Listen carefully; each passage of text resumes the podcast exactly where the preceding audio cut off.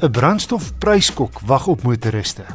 Volgens die AA gaan die petrolprys, so sake nou staan met die ru-olieprys en wisselkoers oor 'n week en 'n half met 98 sent per liter styg en diesel met 'n eislike R1.41 sent per liter.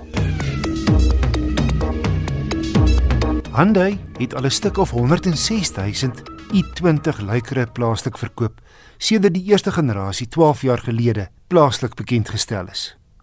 Die derde generasie het onlangs sy verskyning gemaak en die nuwe i20 is nie net groter as voorheen met 'n langer wielbasis en meer spasie nie, maar hy's treffend en modern gestyleer teenoor die vorige model se generiese voorkoms.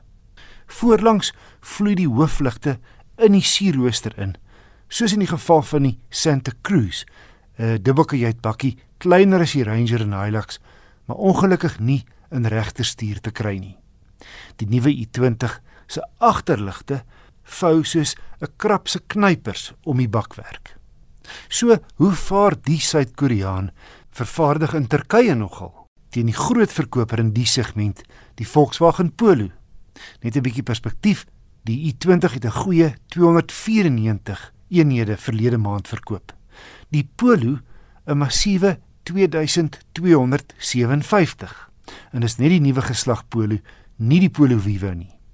Ek het die top i20 handratmodel gery, die vloot met misligte voor en 16 alloy wiele teen R333900.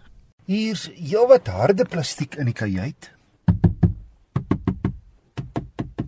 Maar dit pla nie.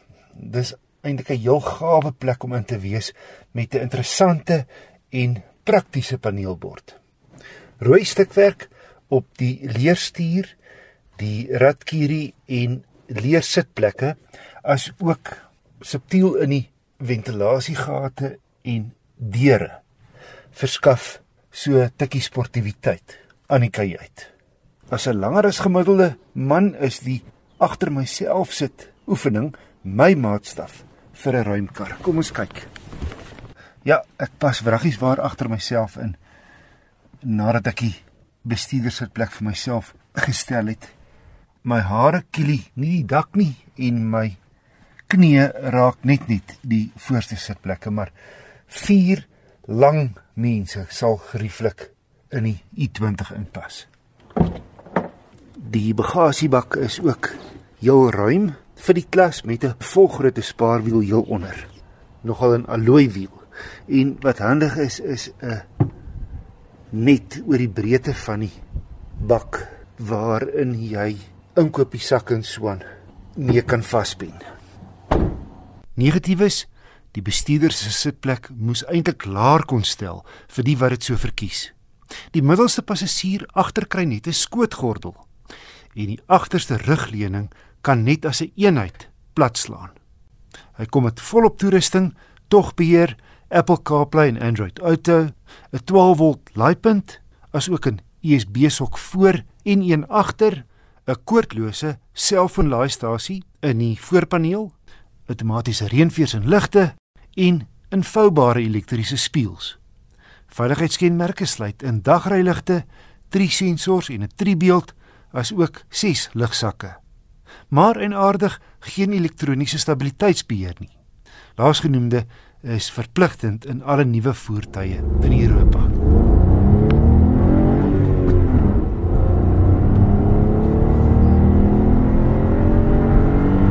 Sy 3-silinder 1 liter turbo petrol is 'n juweel, sterk en suiwig. 90 kW en 172 Nm wrinkrag is meer krag as 'n nie aangejaagde 1.6. Boonop met die voordeel dat die krag al vroeg in die toerestrek inskop.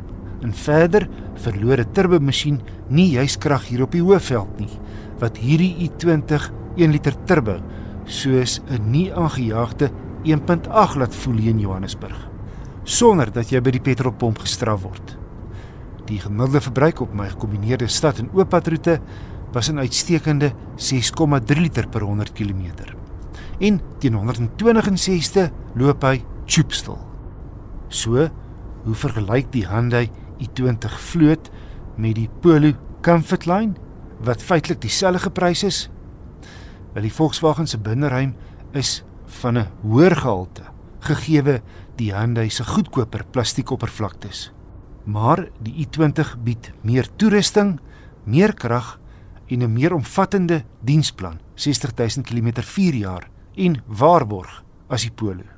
Kortom, die Hyundai i20 vloot is 'n rats en ruim luikerig, goed toegerus met 'n interessante voorkoms. Sy grootste uitdaging is waarskynlik dat daar teen R333900 'n sweterhiel kruisvoertuie op die mark is. Ek het 'n brief van Herman Gunter ontvang. Hy het 'n navraag oor sy nuwe Kia Sonet wat 5W30 olie gebruik. Hy skryf: "Aangesien ek in Hermanus woonagtig is, is dit weinig warmer as 30 grade Celsius. Ek wil in Desember Appington toe reis en daar kan dit warmer as 30 grade word. Ek wil weet of die olie genoeg beskerming vir my enjin gaan bied en of ek nie die olie moet vervang met 'n 5W40 nie. Soos ek verstaan, beteken 5W wintertemperatuur en die 30 of 40 dagtemperatuur. Herman, ek het jou brief aangestuur na Nicolou, 'n tegniese konsultant en die besigheidsontwikkelingsbestuurder by SVU Gepantserde Voertuie. Ja, Wessel Herman het 'n interessante vraag rakende die viskositeit indeks van olie. Ek dink ons moet net so 'n stappie terugvat en vir die luisteraars verduidelik waarvan praat ons as ons praat van die viskositeit van olie. En 'n goeie voorbeeld is altyd om te dink aan stroop.